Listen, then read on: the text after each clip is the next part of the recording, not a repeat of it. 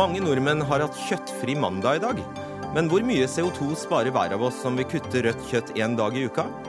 Jo, like mye som vi slipper ut på én tur til hytta. 25 000 togpassasjerer rammet to ganger av feil i formiddag i Jernbaneverkets system, som nettopp skal forhindre feil. Ren ansvarsfraskrivelse, sier justisministeren til politimesteren, som har ansvar for passkontrollen på Gardermoen. Det er bare én mann som fraskriver seg ansvar her, svarer Politiets Fellesforbund. Fraværet kraftig ned på videregående etter nye regler. Men hva skjuler seg på venterommene hos fastlegene? Jo, horder av forkjøla skoleelever. Og hva mener egentlig kongen med at hjem er der hjertet vårt er?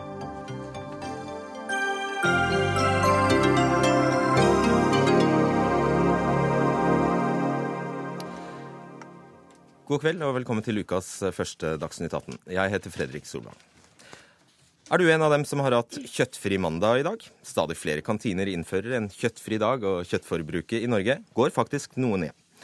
Kua har fått verstingstempel, men eh, hvilken klimaeffekt har det å kutte rødt kjøtt? Dagsnytt 18 har undersøkt hvor store klimakutt vi åpner hvis eh, vi alle dropper rødt kjøtt en dag i uka. Og svaret er like mye som å droppe én tur til hytta. Odd Magne Harstad, du er professor i husdyr- og akvakulturvitenskap ved Norges miljø- og biovitenskapelige universitet. Eh, det var altså deg vi henvendte oss til for å, få, eh, for å få denne utregningen. Hvordan har dere kommet fram til at uh, å kutte rødt kjøtt en dag i uka tilsvarer å ja, kjøre til hytta én gang? Ja, Da har vi tatt utgangspunkt i et årsforbruk per person på 18 kilo storfekjøtt. Og så har vi dividert det på 365 dager. Da kommer vi fram til et dagsforbruk i snitt på, på 50 gram. Og så har vi ganga det med 52. Det blir altså det 52 uker i et år. Så da blir det eh, reduksjon eh, per år. Og det er ca. 2,6 eh, kilo kjøtt. 2,5 kilo kjøtt tilsvarer én dag, ja, en dag mindre kjøtt ja, i uka. Ja. Riktig. Og eh, så har vi da multiplisert det med klima, klimagassbelastninga per kilo kjøtt. Og da kommer vi fram til 52 kilo CO2-ekvivalenter, som det heter, eh, per år. Og hvis vi ser på det da i forhold til det totale utslippet fra Norge, så blir det altså 0,5 fordi hver og en eh, av oss, hver nordmann, slipper ut 10 500 kilo CO2-ekvivalenter i året. Og du, det du gjør da, er bare å dele disse 52 Riktig. på de 10 500. Riktig. Og da utgjør det 0,5 prosent. prosent. Ja. Eh, så skal vi bare ile til og da eh, og si at vi spiser jo mer kjøtt enn bare storfe, så vi kommer, vi kommer, til det. Men nå har du konsentrert deg bare om storfe. Og så kan du også si da at 52 eh, At 2,6 kilo faktisk skaper 52 utslipp på 52 kilo CO2. Det er mye. Det, det forteller oss at ku er ganske forurensende. Det er riktig isolert sett, slik som vi beregnet her i dag, så, så er det det. Men det vi også skal huske på, det er at eh, drøvtyggerkjøtt det er noe som vi kan produsere på norske ressurser. Og det er viktig. Eh, det vi har nok av i Norge, det er gras. Hvis vi skal erstatte rødt kjøtt med f.eks. grønnsaker, frukt og bær, så må vi huske på at vi importerer over 50% av grønnsakene i dag på energibasis, og vi importerer over 95% av frukt og bær. Så det betyr at hvis kjøttforbruket av rødt kjøtt skal ned, altså produksjonen i Norge skal ned, så vil det gå utover matvaresikkerheten. Og det har en rekke andre uheldige konsekvenser. Ja. ja. Da har vi sagt det. Vi, den, vi, vi, går ikke videre på den i første omgang. Una Aina Bastholm, du er nasjonal talsperson i Miljøpartiet De Grønne. Og i programutkastet deres står det nå Eh, de Grønne vil legge til rette for redusert kjøttforbruk gjennom mm. tiltak som både vil gagne miljøet og folkehelsen, og som legger til rette for bedre dyrevelferd i eh, landbruket. Mm. En kjøttfri mandag. 52 kilo CO2. Ingenting, nesten. Jeg vil jo si det monner, og jeg tror nok eh, vi i utkastet til programmet også viser at vi ser på alle mulige virkemidler. Og akkurat det med reduksjon av kjøttforbruk er jo interessant, fordi det er kanskje det eneste området som har såpass stort eh, klimaavtrykk, til, eller sånn, sammenligna med at vi ikke har noe politikk for det. Og det er jo noe av det som De Grønne prøver å åpne døra med Hva her. mener du med Nei, jeg mener at Vi har, altså vi har en statsminister som, som har, eh, har kommet på at eh, kua promper og raper. Så det har vi et oppslag om. Men den har ikke noe politikk for å få redusert eh, kjøttforbruket i Norge. F.eks. ved at offentlige etater og kantina og kjøkken eh, Man har en egentlig det motsatte, fordi man har, eh, man har sterke insentiver for å øke produksjonen av norsk kjøtt. Ja, bl.a. gjennom Opplysningskontoret for egg og kjøtt, Matprat. Så, eh, men jeg vil jo også si den undersøkelsen her at den, eh, den er jo ganske optimistisk. Den har en del, ut, en del forutsetninger som, som, hvis de stemmer, er jo bare veldig positivt. Hvis, eh, hvis klimaavtrykket av kjøtt isolert sett, rødt kjøtt isolert sett, eh, er såpass bra, så er det godt nytt. Likevel så viser jo rapporten mer enn noe at rødt kjøtt har et klimaavtrykk. Og det viser også at vi må se meieriproduksjon og kjøttkonsum i sammenheng. Uh, ja, uh, Harstad. En kommentar som er viktig, og det er at når vi har en reduksjon på 52 kg CO2-ekvivalenter, så har vi altså ikke korrigert for klimagassutslipp knytta til det vi skal ete i stedet for rødt kjøtt. F.eks. hvis vi må importere soya for å lage vega veganburgere og, så, og For eksempel. Men da er, det jo, da er det jo veldig viktig å huske på at veldig mye av proteinet til eh, det norske kyr spiser, nettopp for at de skal yte så mye, vokse så mye og også gi oss så mye melk, er jo basert på importert fôrressurser, f.eks. protein, altså eh, soya fra Brasil, som også beslaglegger matjord der. Jeg stanser dere der. La oss ikke vikle oss inn i, i hva kua spiser. Uh, Thomas Cottis, du er høyskolelektor ved Høgskolen i Hedmark, gårdbruker og fylkesleder i Naturvernforbundet i Hedmark. Og Du har også regnet på klimaeffekten av å kutte, kutte ut rødt kjøtt. Ser de regnestykkene om lag eh, like ut? Ja, dette er jeg enig i. Eh, Jeg har da regna bl.a. på at du halverer det totale kjøttforbruket. For vi spiser jo både kylling og gris og og storfe. Og da ender du altså en normal eh, nordmann på mellom 200 og 250 kilo CO2-ekvivalenter. Og da er du veldig opptatt av at dette må vi sette i en, dette må vi sette i en sammenheng. Ja, Ja, vær så god. det er akkurat det. Altså, det er bra for folkehelsa at vi eter mindre kjøtt. Det er mulig for norsk landbruk å, å produsere mer mat hvis vi spiser mindre kjøtt. Og vi kan redusere den store avhengigheten og økende avhengigheten av importert eh, kraftfôr og varer fra utlandet. Så det er bare positivt. Men for all del, som klimatiltak så er det altså ikke det helt store når vi snakker om noen få hundre kilo. Altså eh, Gi oss en sammenligning. Nå Enkel, brukte jeg enkel, hytta. sammenligning, men- enkel sammenligning. Når vi snakker da halvert kjøttforbruk, 200-250 kilo CO2. Hvis du så lar være å kjøre bilen din 100 mil, så er jo det 200 kilo CO2. Det er akkurat like mye. Hvis du lar være å dra til Paris med kjerringa en helg, Eller mannen, kan vi eller gubben, så er det, så er det mannen og 500 kjerringa kilo. ja. Så er det 500 kilo. Ikke sant. Så, så ditt Og lista er lengre er over alt mye annet som vi kan gjøre, Eh, og bør gjøre. Ja, ikke sant. Da, da er det jo bilfri dag vi skulle hatt, da. Ja. Det kan jo hende at noen eh, lokalpolitikere kommer til, å, kommer til å foreslå etter hvert også. Um, det er jo kjempeviktig, og det tror jeg liksom ingen egentlig stiller spørsmålstegn ved, at tiltakene må komme på mange områder. Uh, det som er fint med akkurat kjøttforbruk, er jo at det noe veldig enkelt og lettvint for hver og en av oss å gjøre noe med, og det er veldig avhengig av vanene vi har, hvor, hvor lett det er for oss å, å liksom se på forskjellige typer kutt. da. Men også vil jeg jo, altså, Thomas Cottis Ja. var jo innpå det her med ressursbruken, og det er veldig viktig. fordi at når du ser på uh, kjøtt, altså miljøkonsekvensen av kjøttforbruk, er jo veldig mye mer enn klimagassutslippene. Eh, Blant annet så beslaglegger husdyrene i verden fryktelig mye areal som kunne ha gått til matjord som mer effektivt kunne ha vært brukt til å produsere korn eller frukt og grønt, andre proteiner som mennesker kan spise direkte. Og det gjør også norske eh, husdyr, all den tid vi importerer så mye fôrressurser fra utlandet. Så vi er nødt til å endre landbrukspolitikken, og det må bli en del av debatten her. Asha, la oss, eh, du har også sett på, eh, som Kottis nevner her, hva som skjer hvis vi halverer kjøttfabrikken kjøttforbruket. Og la oss fremdeles holde oss til rødt, rødt kjøtt. Hva kommer du til da? Ja, Da betyr det altså at vi har et kjøttforbruk på 9 kilo eh, per år. For vi har i dag 18. Og i dag har vi 18. Eh, og da eh, kommer vi fram til at det får dramatiske konsekvenser i forhold til norsk jordbruk. For det at Vi kan altså uh, Men ta, ta, det etterpå, ta, det etterpå, Bare si hva, hva, hva, konsekvensen sånn i antall kilo blir. Da får vi 182 kilo CO2, og det utgjør da ca. 1,7 igjen eh, av totalutslippet. Ja, Ca. det samme som Cottis ja, ja, ja, kommer til når du legger til fjørfe og sau og, og, og, gris. ikke sant? Om lag 200 kilo i, i CO2-kutt per nordmann.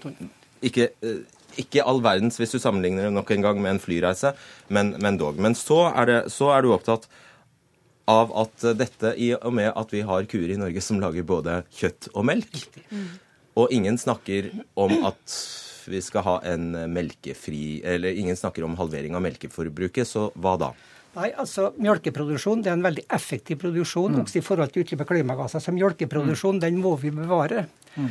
Og det dette betyr, det er at skal vi halvere storfekjøttforbruket, så kan vi altså fase ut ammekuproduksjon. Hva er ammeku? Ammeku det er spesialisert kjøttproduksjon. Det er de som bare gir kjøtt? Produ bare ikke gir melk? bare Riktig. Kjøtt. Dem kan vi fase ut. Mm. Og på tross av det så vil vi da få et overskudd av ja, Vi har jo masse import òg. Jo, men det kan vi fase ut. Det er altså det første som vi må ta. Okay. Så ammekyrne og importen forsvinner, ja. men da sitter du allikevel igjen med i tillegg så må vi da rett og slett slakte eh, ca. Eh, 35 000 oksekalver. En tredjedel av oksekalvene som blir født, må vi slakte da rett etter fødsel. Og det, det, stiller deg faktisk, selv om dette er et helt teoretisk tilfelle, selvfølgelig, fordi dette mm. ikke kan skje over natta, mm. men det stiller deg jo overfor et visst etisk dilemma. da. Ja, de etiske dilemmaene har vi allerede i landbruket, og vi trenger ikke flere av dem. Eh, for å si det sånn, altså Alle hanekyllinger som fødes i eggproduksjon, blir jo drept med en gang fordi vi ikke trenger dem til, eh, til høna som skal legge egg. De dilemmaene har vi, de trenger vi ikke flere av. Og jeg tenker at det egentlig bare betyr at vi må se kjøttproduksjon og meieriproduksjon eller melkeproduksjon i sammenheng. Eh, Så vi må vil... også drikke mindre melk og spise mindre ost? Det bør vi nok. Mm. Det henger sammen? Ja, det henger sammen. Ok, Kottis, ja, Kottis, svar på det. Ja, Det er faglig feil, Une. Altså, Mjølk er det mest klimavennlige produktet vi har når vi snakker om animalsk protein, og det trenger vi mennesker. Så vi må nok opprettholde den. En viss reduksjon kan være. Det det her vil føre til, en, hvis, hvis folket endrer kosthold til et mer helsemessig bra kosthold, som vi er enige om, alle her, mener jeg, så, så får vi eh, Så opprettholder vi mjølkeproduksjonen det bør vi, det bør vi gjøre. Men hva skal du gjøre med de resterende? Hva skal du gjøre med kalvene? Ja, og da vil landbruket omstille seg. Og jeg tror det er mye enklere for norsk landbruk å omstille seg til å produsere mindre kjøtt, det er punkt én. Uh, opprettholde melkeproduksjon, men å produsere mer av korn, frukt, bær, bønner, erter, grønnsaker, poteter, som vi trenger mer av når vi reduserer kjøttforbruket. Og den omstillinga vil norsk landbruk klare helt fint. Og det vil gå raskere enn å omstille forbrukeren og forbruket. Eh, Bassom, har du god samvittighet for at dere eh, er flinke nok til å forklare denne forholdsmessigheten mellom utslipps, eh, hva som faktisk gir store og små utslipp?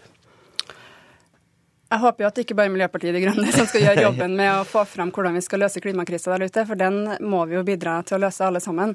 Eh, men vi bidrar gjerne vi til å få fram det bedre. Eh, jeg syns jo ofte at vi blir svar skyldig når vi foreslår tiltak, mer enn at man er med på å bidra til en debatt om hvordan vi faktisk skal klare å oppnå det som Norge nå har vært i Paris og skrevet under. Dere er f.eks., som du nevnte selv, veldig opptatt av at vi ikke skal kaste, kaste mat. Mm. Er du klar over hvor lite det monner per person? Jeg vet i hvert fall at to tredjedeler av det skjer i hjemmene våre, og at mm. både butikkene og grossistene nå har klart å gjøre veldig mye med matkastinga. Ja. men igjen, ikke sant? nå regner du bare på CO2-utslipp. Vi har større og også flere miljøutfordringer enn akkurat Og det er jo også etisk, eh, en etisk problemstilling, mm. men der har du et tall på Ja, og der syns jeg at uh, Une, du hadde et stikkord i stad hvor du sa at det er enkelt å ta kjøttforbruket. Mm. Jeg syns at nå er klimaproblemet så alvorlig og så stort at vi kan ikke lenger bare gå etter det som er enkelt å gjøre noe med. Vi må se på hva som virkelig monner, og da må vi tørre å si ja, kjøttforbruket bør vi redusere, men det monner bare litt. Det som monner skikkelig, det er som programlederen har sagt, det er å la være å dra til Thailand og Syden og fly. Det er å la være å dra på cruise, og det er å la være å kjøre okay, bil med med en skal- høyst nødvendig. skal- Og kjøp elbil, det er jo genialt. Eh, Vi skal avslutningsvis eh, Harsha, få med oss eh, hva, hva som skjer hvis du ser på all, all, alt, alt kjøtt. Og da har dere kommet til at hvis vi kutter ut alt kjøtt i En dag. en dag, så vil det gi en besparelse på 113,5 kilo CO2. litt over 1%. CO2. Litt over eh, 1 ja. Men det er en ting som er veldig viktig å ha med seg i debatten, og det savner jeg hos De Grønne. Det er tre ting. Det ene er den veldige befolkningsøkninga vi har i Norge. Og i 2030 1 million mer. De skal ha mat. Og når IPCC sier at fra 2030 og utover får vi en reduksjon av matproduksjonen i verden. Antall, antall eh, folk det vil øke. Og skal ikke vi i Norge, som har fantastiske ressurser i form av gras Så klart sier vi det. ut- Derfor Ja, men- sier vi ikke at folk skal slutte vi å spise kjøtt, men vi, trenger å redusere det litt. Og Ja, vi trenger en annen ja, landbrukspolitikk som utnytter ressursene Hva skal vi produsere med utgangspunkt i gras hvis vi ikke skal produsere Ok, vi er langt inne. Men der er vi jo enige om at det skal være norsk Ja, ja, storfeproduksjon ja, også i framtida. Det passer bare til grovfôr. Og- Husk Ja, på ok, det. dere- Der skal det være ok. Okay. Vi sitter strek der. Tusen takk skal dere. Odd Magne Harstad, Thomas Cotti og Une Aina Baston. Takk. Dagsnytt 18 alle hverdager klokka 18.00 på NRK P2 og NRK2.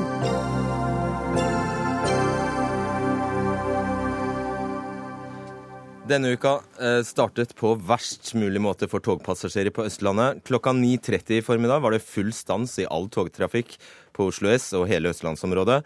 Så kom togene i gang igjen klokka 10.15, før det igjen ble bom stopp klokka 11.30. Og deretter begynte togene å gå igjen klokka 13.40 med store følgeforsinkelser utover eh, ettermiddagen. Årsak til eh, togkaoset, som kan ha rammet rundt 25 000 togpassasjerer, datafeil. Hørt og opplevd det før, kanskje? Sverre Kjenne, avdelingsdirektør for eh, Signal og Tele i Jernbaneverket. Datafeil, hva gir det meg? Hva gjør man med en datafeil? Ja, først må jeg jo benytte anledningen til å beklage til alle de reisende som i dag har stått på perronger og lurt på hva, hva tid toget kommer og hva tid det går. Eh, Og så er det riktig som du sier at dette er en datafeil. I, et, eh, I en moderne jernbane så er det mange programvarebaserte system som skal kunne kommunisere.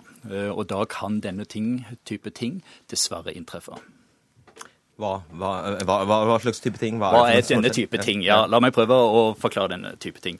Det som, det som skjer, det er at eh, når du har flere datasystem som skal snakke sammen, så skjer det over fiber. Det er den samme type teknologi som vi bruker ellers òg i, i industri.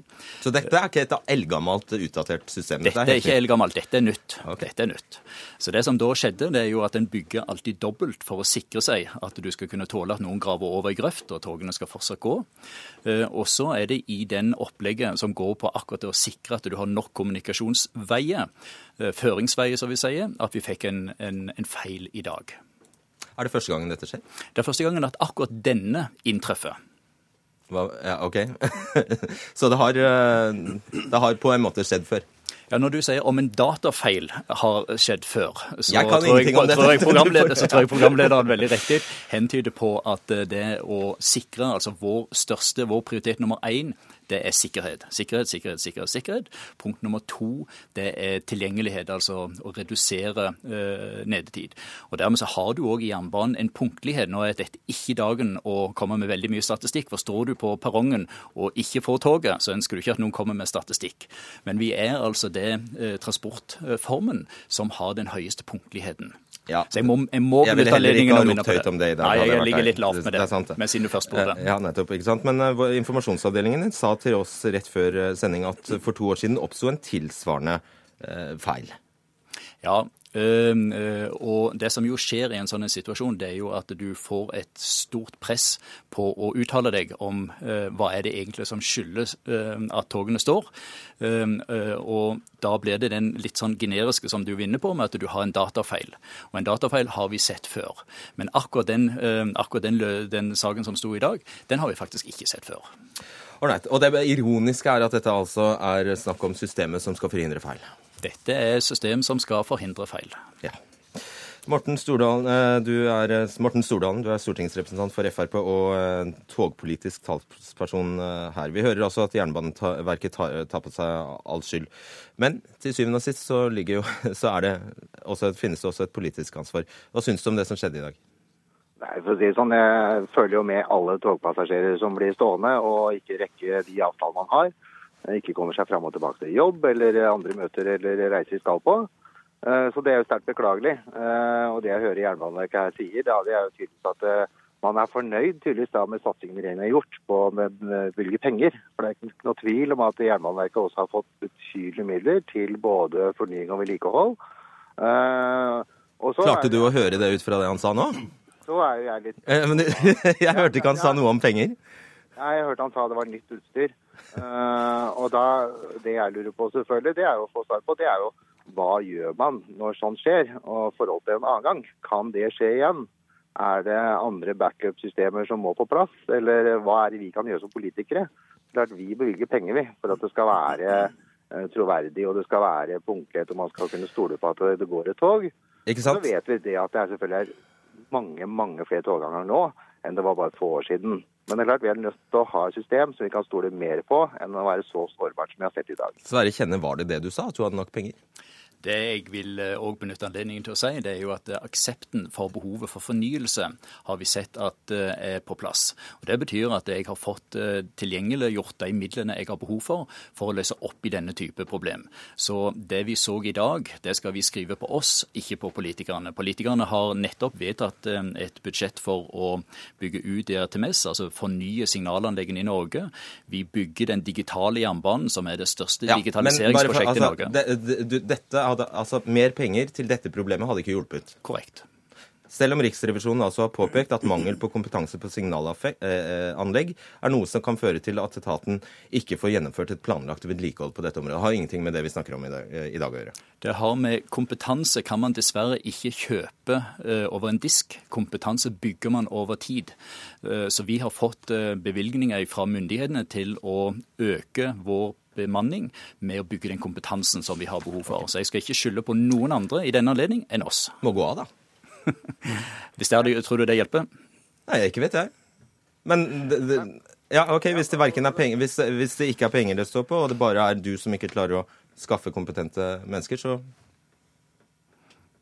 Ja, men jeg, jeg, jeg er jo som ok. politiker da, ikke sant? Og det, jeg hører at eh, når man blir spurt om eh, om det er på en måte gammelt eller slitt, og det har jeg også jeg spurt om i dag, hva, hva er det som gjør det? Og så fått til svar at nei, det er faktisk nytt. Det har ikke noe med at det er gammelt å gjøre. Og det er jo det mange frykter ikke sant, tenker. For det har jo vært et vedlikeholdsetterslep, eh, det vet vi, over mange, mange år. Men så er det måte gjort store investeringer og store forbedringer rundt Oslo S. Men det er klart det jeg sier, det er det at vi må få på bordet og få svar på. Hva gjør man nå? Evaluerer man det skikkelig, sånn at vi kan lære av dette her? Er det andre backup-systemer vi kan skaffe for at dette ikke skal skje igjen? Det er klart, Oslo S er veldig sentral, for det er alle togene der, og det er vel nærmere 1000 tog i løpet av dagen. Eh, Og det er klart det er mange, mange mennesker som rammes av det dersom det stopper. Willy Fransen, du er leder i Pendlerforeningen Follo-Østfold. Uh, ifølge NSB så kan altså 25 000 passasjerer ha blitt rammet i dag. og eh, ja, Jeg lurer egentlig på hva du tenker når du hører dette fra Jernbaneverket. Jo da, det gjør man sine eh, betraktninger rundt. Det som skjer, er jo at eh, vi som pendlere, det er Vi ønsker å komme tidsnok på jobb. Og vi ønsker å komme tidsnok hjem. Så dette med at toget kommer etter ifølge rutetabellen og går ifølge rutetabellen, det er veldig, veldig viktig for oss. Og det er klart at eh, sammen med pris og plass og, og punktlighet, så er det jo opplagt at eh, vår hverdag, det er å komme, Kjøper du forklaringen? komme, komme tidsnok. Ja, Kjøper du forklaringen hans? Eh, både ja og nei. Fordi at må du huske på en ting. Jeg har lyst til å rufse litt på de som er, eh, er eh, skal vi si, eiere av eh, Jernbaneverket, eller Bane Nor eller Sør. Det er Stortinget. Vet du hva? Det er én ting som er helt fantastisk, og som ingen mennesker i Norge forstår uten kanskje du, jeg vet ikke. Det er at det går an å bygge noe nytt uten penger. Og nå har jernbanedirektør E- Elisabeth Enger hun har gitt beskjed om at hun trengte penger en gang i tiden til å bygge intercity. Fikk ikke noe annet enn vanlige vedlikeholdspenger. Og så er problemet da eh, Hva er det egentlig som kan bli eh, den, den virkeligheten vi forholder oss til? Jo, buss for tog, forsinkede, ingen, ingen ruter som, eh, tabeller som stemmer. Vi skal hente barna i barnehagen, vi skal tidsnok på jobb. Og så er det da vedlikehold og vedlikeholdspenger som går hele tiden. Og vet du hva? Det er egentlig Stortinget som bestemmer at vi ikke skal finansiere noen ting i Norge. Og det går aldri bra. For da Elisabeth Nå Enger skjønner jeg ikke hva du mener. ja, Elisabeth Enger sa i 2010 vi har et jernbanesystem, en infrastruktur, som er på tampen av sin levetid. Det forstår alle, ikke sant? Så er det snakk om hva har man gjort med det? Jo, man gir litt mer til vedlikehold. Og så gir man veldig mange til, mye til vedlikehold. Allikevel klarer samferdselsministeren å stille seg opp og si at vi har stort etterslep. Hva gjør han med det? Jo, han, han sier vi må bygge på budsjett. Vi kan ikke bygge på budsjett lenger, og det er det budskapet pendlerne har. Nå må vi begynne å bruke pengene våre på å bygge Norge, og det må vi helst se. Det er hver eneste Ja, spørsmål jeg får. Ja. Uh, Kjenne, 7000 signalfeil førte i fjor til eh, at norske tog ble forsinket. Det førte til igjen 3300 timer forsinkelse. 19 feil per dag, det. Og du har nok penger. Det er jo noe som ikke stemmer her for hvermannsen i, i, i hvermannsens ører, i hvert fall. Nå er det sånn at Den eh, teknologien som vi har i gang i dag, eh, kommer stort sett ifra eh, forrige krig. og da tenker jeg Første verdenskrig. Dette er reléteknologi fra 1856 som det tar tid å modernisere. Så det etterslepet som veldig riktig her blir påpekt, det er ikke noe som du bare knipser, dessverre, og så er det på plass. Så vi har fått midler til å gjøre et skifte, men det tar tid. Så i mellomtiden så gjør vi en masse tiltak for å få ned den, den nedetiden. Kan dette skje igjen, dette som skjedde i dag? Denne eh, altså, kompliserte datafeilen? Nå er det sånn at En skal være veldig forsiktig med å gi garantier. Så du gir ingen garanti? Jeg gir ingen. Det ville være en uh, lite klok uh, sak å sitte her og gi uh, absolutte garantier. ja. Litt enig med deg. Ja. Takk skal dere ha. Sverre Kjenne, Willy Fransen og Morten Stordalen.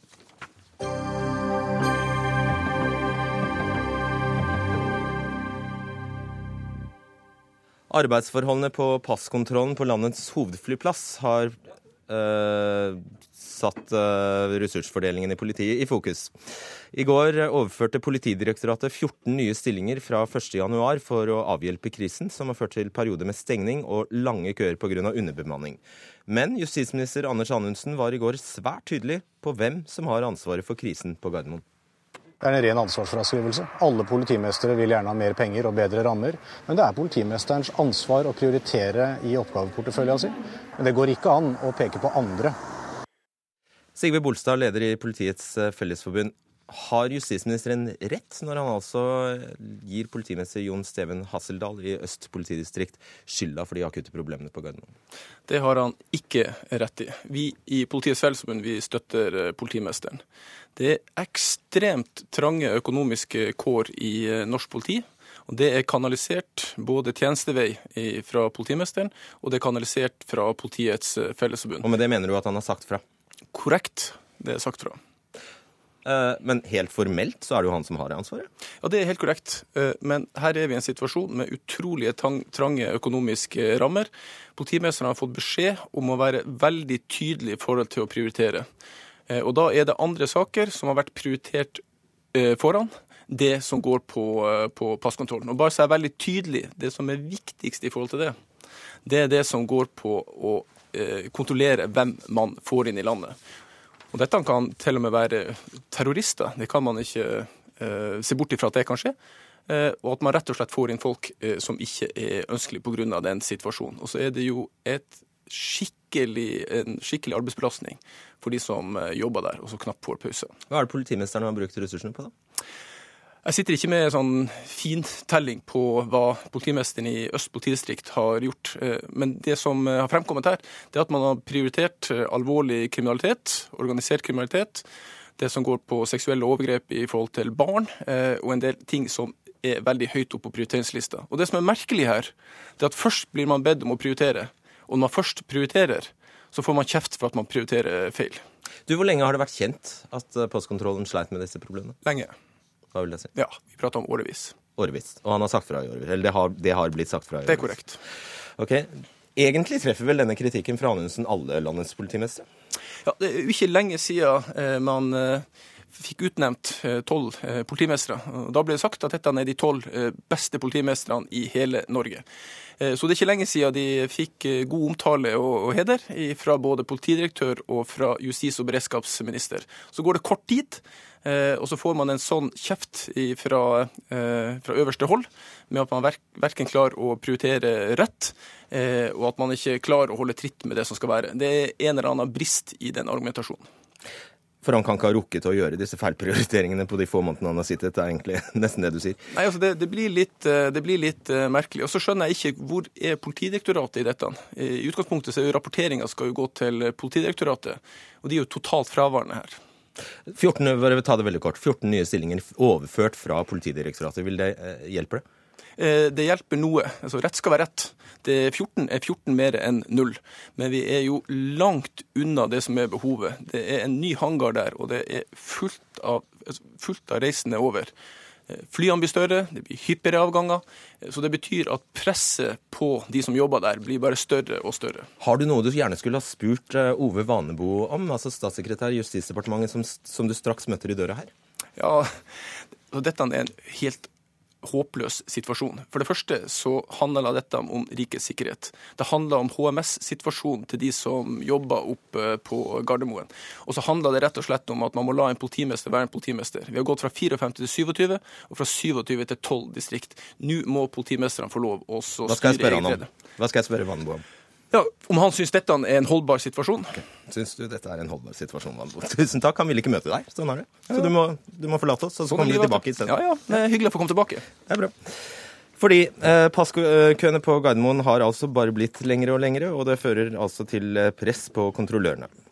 14 nye stillinger er altså overført til, fra Politidirektoratet fra januar. Og nå har vi altså fått politikerne i studio. Det er deg, Ove Vanbo, statssekretær i Justisdepartementet for Fremskrittspartiet. Ta dette først. Hvorfor kan du ikke møte, hvorfor kan du ikke møte Sigve Bolstad til debatt? Det som var grunnlaget for debatten med Sigve, var jo at det, at det var en dialog som da går gjennom med Politidirektoratet og Politiets Fellesforbund. De nekter jo også å stille. Ja, og det er en veldig uheldig situasjon at vi her er kommet det sånn at, man, at vi politikere skal begynne å diskutere direkte med Politiets Fellesforbund om, om, det.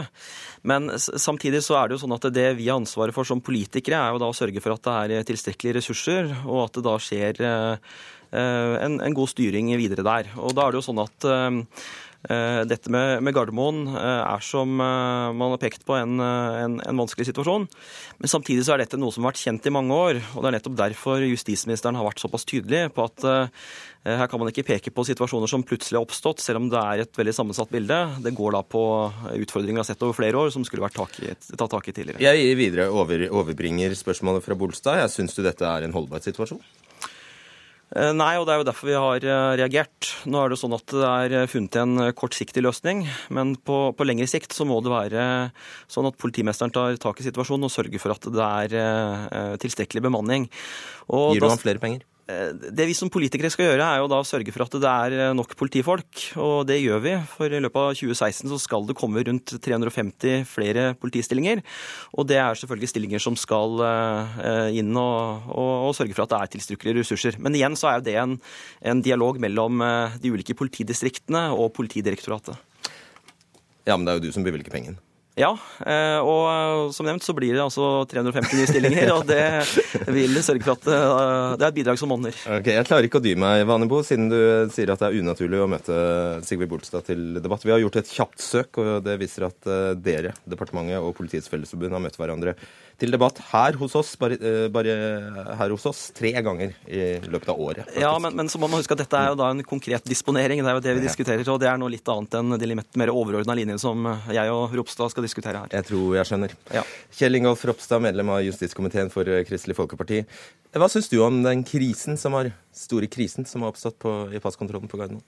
Eh, Akkurat den konkrete situasjonen er jo uholdbar. Eh, Og det er jo som Sigve Bolstad jo sier, at hovedutfordringa er jo ikke at noen av oss må vente litt lenger eller ikke får utstedt et nødspass, selv om det kan være veldig krevende situasjon, så er det jo trusselen med at en ikke vet hvem som kommer inn over grensene. Så Derfor så er jo jeg glad for at justisministeren faktisk greip inn til slutt, eh, og at en får iallfall flere stillinger på plass. Er det, uh, får, er det uh, altså, det, dette grepet med 14 nye, 14 nye midlertidige stillinger uh, fra POD, virker det på deg som at det er behov for en permanent høyere bevilgning til akkurat dette politidistriktet? Ja, eh, og ikke nødvendigvis bare akkurat det politidistriktet. Vi vet jo at det er en krevende situasjon gjennom hele Politi-Norge. Og det bunner, tror jeg, i både at vi nå er midt i et viktig reformarbeid, men ikke minst et stort etterslep på IKT. En vet at bilene er dårlige, utstyret mangler, og vi er oppe i en kraftig oppbemanning. Så, så jeg har jo egentlig gitt ros til, til regjeringa for, for store satsinger. Nå har jo jeg stemt for det til slutt, så det er kanskje litt Ja, da, kan- selvros det er kanskje det jeg skulle, skulle inn på nå, eller var det jeg skulle inn på nå. Da kunne jo du, hvis du mente dette så veldig hardt, eh, gjort dette til din, din kampsak. Ja, altså Vi la inn 150 millioner ekstra i forrige runde i alternativt budsjett, men vi har stemt for det budsjettet som ligger. Og, og det var jo et I fjor, på, eller halvannet år siden, så, så roste jo Politiets Fellesforbund òg budsjettene og sa at dette var tidenes justisbudsjett, og justis var vinneren osv. Så, videre. så det har jo vært gitt betydelige satsinger. Jeg tror det er 3 milliarder siden regjeringsskiftet, og, og det er blitt ca. 1000, eller i hvert fall bevilga til 1000 nye stillinger. Så den er grei. Men når situasjonen er som den er, så, så er det jo helt nødvendig at når budsjettet kommer nå om en måned, så blir det lagt inn en betydelig satsing sånn at reformarbeidet gjenger, at en sikrer at det kommer nye stillinger ut i distriktene, og en ikke opplever den sentraliseringa som en kan oppleve hvis ikke det lykkes nå. Stemmer det at, eh, stemmer det at Jon Steven Hasseldal i Øst politidistrikt har sagt fra flere ganger om dette? Eh, Jeg kjenner ikke til den konkrete forhistorien i så detalj, men det som er helt klart er jo at dette er en situasjon som har vedvart over flere år. Det er det ingen tvil om. Eh, akkurat hva som har vært, eh, vært sagt helt presist, det, det vet jeg ikke. Det er jo vesentlig for saken da, om han faktisk har varslet eller ei. Ja, men samtidig så er det jo sånn at det er politimesteren som skal eh, sørge for at det tas tak i og prioriteres. Og, det, og som Sigurd Bolstad også sa i stad, så er det jo han som da sitter med det formelle ansvaret. Men til det som, eh, som Ropstad er, opptatt av, så er det jo sånn at eh, både i, i, i fjor og året før så er det jo satt av nærmere 400 millioner totalt sett, for, nettopp for å følge opp politireformen. Og I tillegg så kom det nettopp en rapport nå fra Direktoratet for forvaltning og IKT som viser at eh, den store veksten i, eh, i politipersonell skjer ikke eh, nødvendigvis i Politidirektoratet, den skjer da i særorganene og i politidistriktene. Hva har det du snakker om nå med passkøen på Gardermoen å gjøre? Fordi han var veldig opptatt av at vi skulle sørge for at det ble nok personell, og at vi da følger opp eh, det som da går på reformarbeidet, og det mener jeg at vi gjør i veldig stor grad. er ikke dette så enkelt som at de køene hadde ikke vært der hvis, eh, politiet, altså hvis dette politidistriktet hadde hatt nok bemanning? Er det ikke så enkelt? Det er jo sånn at, igjen, at det er snakk om prioriteringer, og da gjør vi det på, som skal gjøres på generelt plan. og Det er å sørge for at det er nok politifolk eh, eh, totalt sett. Og så må jo da Politidirektoratet og politimesterne ta tak i det og sørge for at det prioriteres riktig. Ropstad? Ja, Det er jo riktig, det. Men, men mitt poeng var egentlig bare at hvis du spoler litt tilbake foran sommeren, f.eks. i mitt område, i Agder, så, så var det varsla at de ikke kunne ha politibåtene på vann i det hele tatt, fordi en ikke fant det mulig å prioritere innenfor de rammene som var gitt. Så løste det seg. For så vidt etter press fra politikere òg denne gang. Men, men poenget er egentlig bare at eh, midt oppi den situasjonen en er, midt i reformarbeidet, så virker det på meg som at budsjettene er for trange. Og det må vi ta som et viktig signal når budsjettet skal legges for neste år. Så hvis du hadde vært justisminister i dag, hva hadde du gjort? Nei, Jeg syns jo, som jeg sa, at det var bra at justisministeren greip inn. Han kunne kanskje spart seg for den ene setninga av kritikk av, av politimesteren, men, men samtidig så, så, så fant han stillinger. Han tok noe fra POD og, og ga til politidistriktet. Men jeg hadde iallfall kjempa det jeg kunne i budsjettforhandlingene, som det nettopp har vært gjennom, sånn at budsjettet som kommer for neste år, gir større rom for reformarbeidet, som er enormt viktig, men òg til at du kan løse sånn som den eh, krisa som er i politidistriktet. Bare en liten presisering. av Det er, det er ikke sånn at eh, justisministeren eh, selv bestemte at denne disponeringen skulle gjøres. Dette er en omdisponering som Politidirektoratet gjorde nettopp for da også å finne en, en kortsiktig løsning her. Så igjen så er det sånn at det er, det er ikke sånn at justisministeren styrer direkte, og sånn tror jeg vi også bør fortsette. Bare et element her, og det er jo det underliggende. Altså, eh, Avinor eh, Det har jo vært en eksplosiv eh, passasjervekst på OSL Gardermoen, og Avinor regner jo også med at kapasiteten skal utvides fra dagens er det 21 millioner til 38 millioner i, i 2050. Mm. Står, det no, står det omtalt i Justisdepartementets kapittel i Gul bok, altså i statsbudsjettet? Det tar jeg selvfølgelig ikke på sparket. Men det jeg kan si er at eh, Jeg tror ikke justisministeren, det det, skal, nemlig. ja, justisministeren skal selv innom eh, Gardermoen på onsdag nettopp for å ha møter og, og diskutere hvordan situasjonen er. Så dette er jo naturligvis noe vi tar på alvor. OK, du vil ikke si noe? Det, det er greit. Jeg husker ikke selv om det sto der, så jeg skal ikke si noe mot det. Da eh, tar vi inn Takk skal dere ha, Ove Vannbo og Kjell Ingolf Ropstad. Da får vi ta, ta tilbake Sigve Bolstad. De møter hverandre i døra her. Det blir litt rart, da, men det får bare være sånn. Ja. Hva syns du om det du hørte? Jeg registrerer at en eh, erkjennelse eh, fra begge to uh, knytta til at ressurssituasjonen er altfor dårlig i eh, norsk politi. Eh, og i dette tilfellet så er det prekært opp på eh, Gardermoen. Fikk du, de, ja, ja, fikk du tilfredsstillende svar? Nei, det, det er ikke godt nok eh, per nå. Det er, eh, De oppe på Gardermoen de sliter. Dette er et HMS-problem oppe på Gardermoen også. I tillegg så er det fremdeles et stort trykk, slik at potensielle personer som ikke skal komme inn i landet, fremdeles har mulighet for å komme inn i landet. Det man gjør, det er en midlertidig ordning. Behovet er permanent. De ønsker folk som primært ønsker å jobbe der, og være over tid. Det løses ikke med at det kommer 14 inn. Men la meg presisere sterkt en gang til. Det er 14 er 14 mer enn ingen. Mm. Um, det stemmer jo også at dere ga uttrykk for eh, tilfredshet med budsjettet, så noe har skjedd i løpet av Du har jo blitt etterpåklok, du òg. Altså, det stemmer at vi har fått en påplussing på budsjettet. Altså, rett skal være rett. Det er påplussing på budsjettet på ca. 3 milliarder fra 2013. Det stemmer at det eh, er flere i norsk politi enn det som har vært tidligere. Utfordringa er, som, flere, som begge de to er inne på, det er et utrolig stort etterslep på IKT og på bygningsmasse med mere. Det etterslepet, samt at man er i historiens største reform, koster så mye penger at de påplussingene får de konsekvensene som man bl.a. ser oppe på Gardermoen. Det er problemet, og det er det nødt til å bli gjort noe med. Er det også et problem at politikere, og alle for så vidt, lar seg styre av de fæle bildene eh, fra Gardermoen? At folk står i metervis, altså lange, lange, lange køer. Dette er svært misfornøyde nordmenn som bare vil ut og kose seg på eh, ferie. Er det lett at eh, den eh, faktoren der ødelegger for de, reelle prioriteringsdiskusjonene man burde hatt? Det er, en dårlig PR for, for Norge. Det er helt korrekt. I tillegg så er dette et jeg vil karakterisere det som et symptom på den budsjettsituasjonen som er i norsk eh, politi. Når man får sånne konsekvenser, så er det et symptom. At politimesteren må inn og foreta knallharde vurderinger, det støtter vi i Politiets Fellesforbund han helt og holden på. Men dette er et symptom, og dette er konsekvenser. eh, Og så går man ut åpent og forteller om konsekvensene, Og og det gir vi politimesteren ja, ros for. han spekulerer vel ikke i å holde disse køene så lange for å få mer penger? Altså, Rapporteringssystemet i norsk politi er såpass bra at hvis han spekulerer, så blir han fort tatt ned, også for å være useriøs. Takk skal du ha, Sigve Bolstad, for andre gang. Ja, takk skal du ha.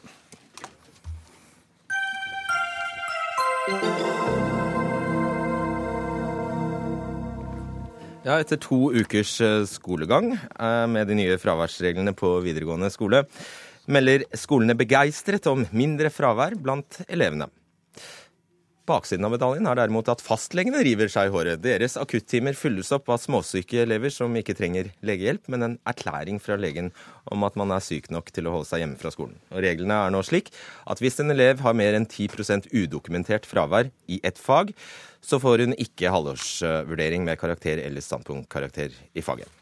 Petter Brelin, du er leder i eh, Foreningen for allmennmedisin. Og da vi ringte deg i formiddag, så hadde du faktisk akkurat hatt eh, dagens første skoleelev med, med forkjølelse på døra. Hvor stort riktig. problem er dette egentlig? Ja, Det har overrasket oss. Vi trodde at dette skulle bli et eh, moderat problem til å begynne med, men allerede fra første skoledag så sto det veldig mange på venterommene våre og ville ha disse testene. Så eh, mine pasienter, jeg har hatt to av dem i dag, var eh, knapt nok syke, litt snufsete. Var sikkert greit å holde seg hjemme akkurat i dag, men de hadde ingen reelle medisinske behov, og det var ikke noen sånn særlig vits i at de oppsøkte en lege, i hvert fall. Hva gjorde du da?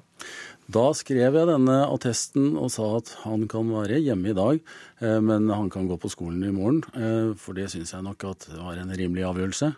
Men jeg syns kanskje at det var litt dårlig eh, ressursbruk i den sammenhengen. Det burde vi ha reservert for noen andre akkurat den tiden. Ja, for du har tilmålt tid, selvfølgelig. Hva er det store bildet her, hvis dette er, seg gjeldende over hele landet?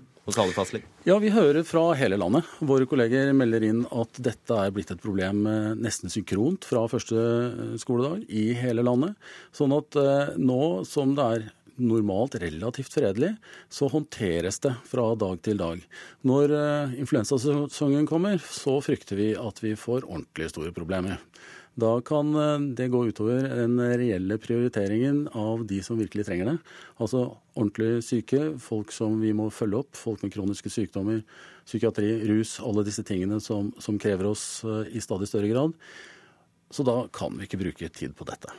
Kunnskapsminister Torbjørn Røe Isaksen fra Høyre rota til alt, alle problemene her. Ja, dere har altså rett og slett skjøvet skolens forpliktelser over på fastlegene?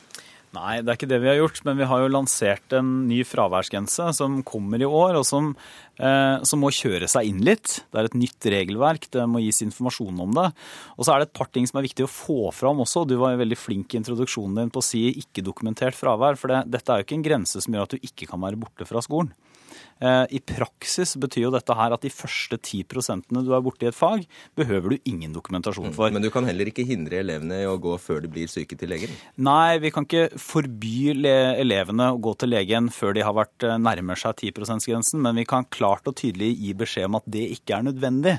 Det blir jo sånn uten Vi sier blaffen i hva du sier da. Jo, altså da har vi da, Vi har jo da Vi kan ikke liksom sende, vi kan ikke sende voksne etter å hindre elever fra å gå på legekontorene.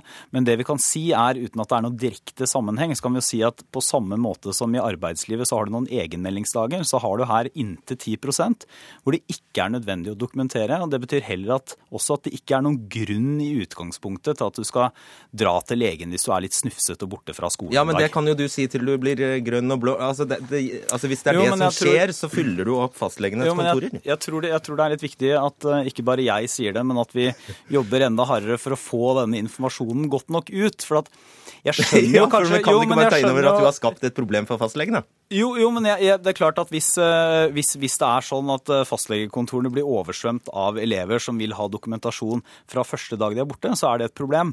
Men svaret på det er altså å få ut hvordan regelverket faktisk er. For det er ikke nødvendig å få dokumentasjon hvis du er borte fra skolen en dag eller to. Du kan faktisk være syk fra skolen en uke. Det går helt fint innenfor fraværsgrensen. En uke til helt fint innenfor fraværsgrensen hvis ikke du har noen fagdager eller noe sånt. Da, da er det kanskje litt mer komplisert.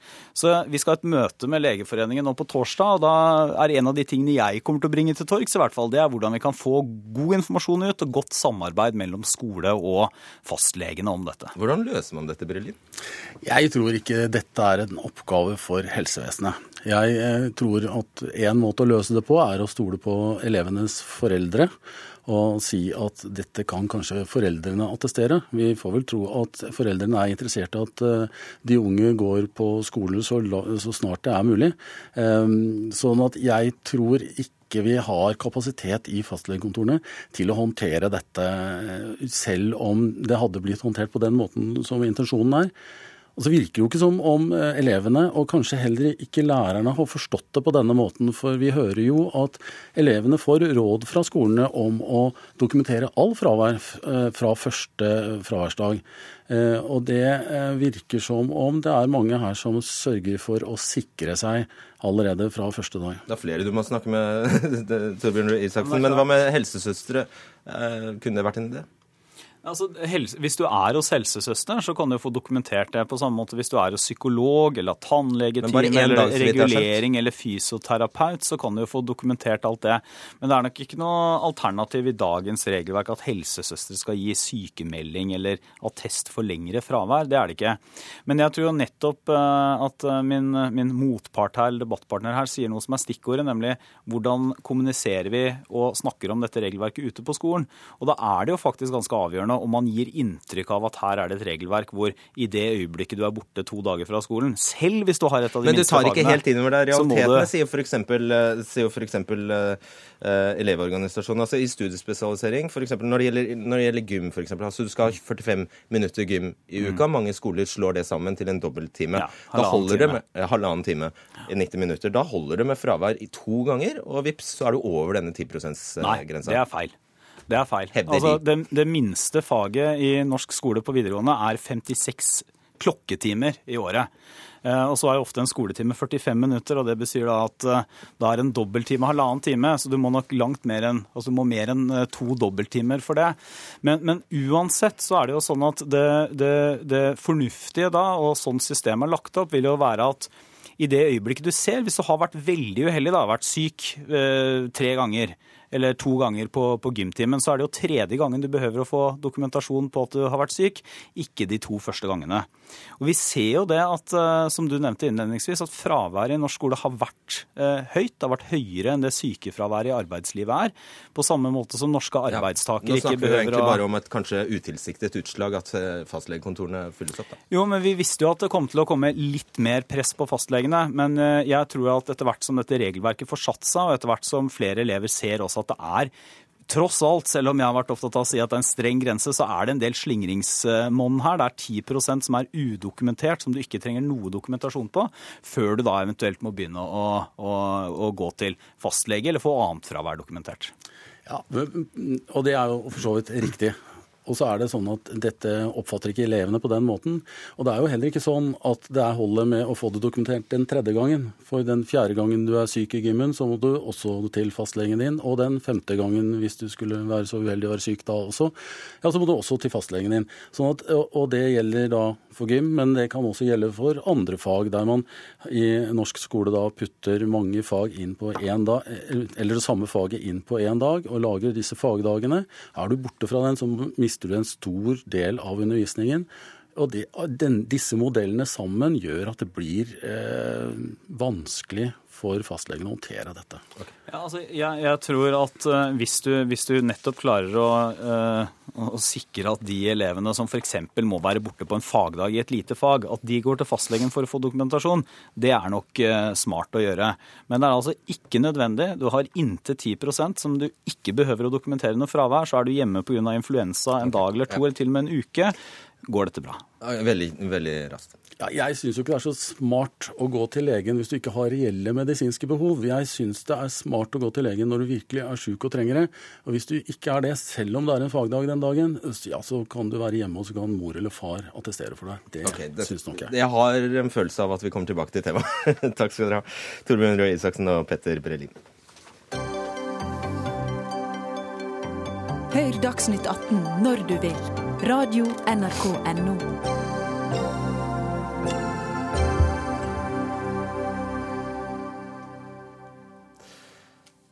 Hvorfor har Hans Majestet Kongens tale på Slottets hagefest torsdag blitt en så stor suksess? Det vi kaller hjem, er der hjertet vårt er. Og det kan ikke alltid plasseres innenfor landegrenser. Nordmenn er jenter som er glad i jenter, gutter som er glad i gutter, og jenter og gutter som er glad i hverandre. Nordmenn tror på Gud, Allah, altet og ingenting. Nordmenn liker Grieg, Hugo, Hellbillies og Kari Bremnes. Med andre ord Norge er dere. Norge er oss. Jo, årsaken til at denne talen ble en så stor suksess, er at han snakker kjærlig til oss alle og favner, oss, eh, favner om oss, eh, mener du, statsviter Kamil Asar. Men hva er det norske, spør kunsthistoriker Tommy Sørbø i en eh, kronikk i Dagbladet. Han eh, mener talen strengt tatt ikke henger på greip. Eh, vi starter med deg, Sørbø, kunsthistoriker og forfatter. altså. Eh, denne talen har jo blitt eh, hyllet, men du mener, du, eh, du mener den ikke sier noe som helst? Nei, den sier vel egentlig bare det at eh, jeg anerkjenner dere som mine gjester, og det er hyggelig å se dere her. Og det er jo en raus og hyggelig og trivelig tale av en mann jeg har stor respekt for. Eh, men eh, når den utropes til historiske dimensjoner som en av de viktigste taler som er holdt nærmest i norsk historie, og retorikere og mange andre går så sterkt ut og sier at denne her har nærmest ikonisk status, da må man vurdere det, gå litt mer inn i det. Og da ser jo jeg jeg at dette, det kongen sier, er at han egentlig Altså, Norge er geografi. Eh, det handler ikke hva, Det jeg stiller meg spørsmålet, hva er egentlig da det norske? At vi er forskjellige, det vet alle. Og at vi er eh, summen av eh, Vi er 4,5 millioner innbyggere her, og som alle har vår unike individuelle liv og tanker og forestillinger og utseende osv. Men det, det sier seg selv. Det man må spørre om, hva, hva er da det norske? Hva er det vi har til felles, bortsett fra at vi bor på et bestemt geografisk landområde? Og hva, Hvilket svar er det du savner, da? Ja, det kan være f.eks. at vi eh, tror på ideene fra den store franske revolusjon. Det handler om norsk språk. Det er jo veldig vesentlig her. Det er jo noe vi har felles. Eh, det kan handle om opplysningsideer. Det kan handle om humanisme. Eh, det kan handle om en politisk kultur som vi har, og som ikke kanskje andre har. Så det virker for meg som det er en redsel her for å støte noen fra seg. Alle skal inkluderes, og det er hyggelig på en hagefest, og det perspektivet forstår jeg. Men det er alle disse som utroper denne talen til noe sånn helt stort og viktig programmessig. Det er jo da den faller sammen og ikke henger på greip. Så du mener rett og slett han besvarer spørsmålet hva er det norske for dårlig? Han kan ikke svare på det, og han gjør det samme i et, TV-program tidligere hvor programlederen spør hva er det norske, og, og, og, Majesteten sier ja, hva er det norske? Altså som om ja, hva er meningen med livet? Altså Det er jo noe vi alle er enige om at vi ikke kan besvare, underforstått. Er det det du liker ved talen, Kamil Asar, statsviter og skribent for Minerva, at kongen nettopp ja, er tvetydig? For, altså, han, gir noe, han gir ikke noe svar på hva Nei, jeg, jeg syns jo absolutt at det er Det er akkurat det kongen på en måte skal gjøre. altså Han sier ofte selvfølgeligheter, og, og det er ofte svulstige ord, men dette var en tale hvor de svulstige ordene faktisk ga mening. Det var enkle eh, sammensetninger av setninger eh, som, eh, som, veldig mange kunne føle, seg tilhø føle en tilhørighet til. Jeg håper at Sørbø her forsnakket seg når han kalte det gjester, at det var hagefestmenneskene han snakket om, og ikke den gruppen jeg mener har lett for å samle seg under en kongen. Veldig mange innvandrere trykket denne talen til sitt bryst. Hvorfor det? Og det er nettopp det som er poenget mitt, at er, jeg tror det er ingenting som samler nordmenn generelt, egentlig, mer enn kongen. Nå viser det seg at det ikke stemmer med tanke på den debatten, men spesielt når det gjelder innvandrergrupper, også som jeg skriver om muslimer i Norge, samles og føler seg at kongen representerer dem. Det er en apolitisk skikkelse som er i stand til å være samlende. Kongen i Norge har i tre generasjoner vært akkurat den figuren som klarer å samle alle grupper. Er det da når kongen sier det er ikke alltid så lett å si hvor vi er fra, hvilken nasjonalitet vi tilhører. Det vi kaller hjem, er der hjertet vårt er. Det kan ikke alltid plasseres innenfor landegrenser. Er det det du liker? Ja. Christian Michelsen sa til kong Haakon når han kom til eh, eh, Norge der hvor hjemmet er, der blir også fedrelandet. Og så er det, tror jeg, eh, hvordan kong Harald nå oversetter den hilsen til, eh, til, å bli sin egen, ved å si at der hvor hjemmet er, det, eller der, det vi kaller hjem, der er også hjertet. Eller hva det var. ja, sånn det vi kaller hjem, er der hjertet vårt er. Og det, det, det syns jeg er veldig, veldig flott eh, sagt. Er det det du misliker, Sørbø? Nei, jeg syns det er fine ord. Men hvis jeg var innvandrer, så ville jo jeg veldig gjerne vite hva er det jeg, det forventes at jeg skal integreres i? Hva er den norske kulturen? Eller hvilke diskusjoner, forestillinger har vi rundt dette? Hvis ikke så blir jeg jo bare stående som et stort spørsmålstegn. Jeg kunne ha lyst til å spille, stille, spørre Azar, kunne du i to-tre ord si hva det norske er? Bortsett fra at Hans Majestet Kongen er et samlende symbol, og at han ikke er i stand til å besvare det spørsmålet. Men kunne du utdype det, hva du mener det altså, norske jeg, jeg, vil jo heller si at det er du som har det ansvaret med å definere det. Jeg, etter mitt syn så har kongen gitt et veldig godt svar. Nordmenn, det er deg, og det er meg, i all vår ulikhet. Det er litt som det amerikanske mottoet, e pluribus, pluribus unum, altså fra mange har vi blitt én. Og det er nettopp det man trenger i denne politiske konteksten vi er i nå. Vi trenger ikke en, en, en mer splittende definisjon av hva det norske er, hva den norske kulturen er. Den runden hadde vi for ett til to år tilbake. Ble ikke noe klokere. Det eneste som skjedde, var at man hadde eh, grupper satt opp mot hverandre. Og jeg tror ikke verken TV-kommentatorer og radio og alle andre skjønner hvor, hvordan det oppleves å alltid bli snakket om og til, eh, og, ikke, eh, og ikke bli inkludert okay. i en samtale. Nå må det være veldig kort, Sørbø. Eh, Jeg syns det er helt eh, påfallende at symbolet på Norge ikke er i stand til å gi en definisjon, eller forsøke å gi en definisjon av eh, det norske.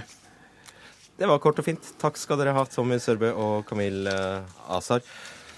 Denne Dagsnytt 18-sendingen er over. Ida Tune Øresland hadde ansvar for den. Teknisk ansvarlig var Guri Finnsven, og i studio Fredrik Solvang.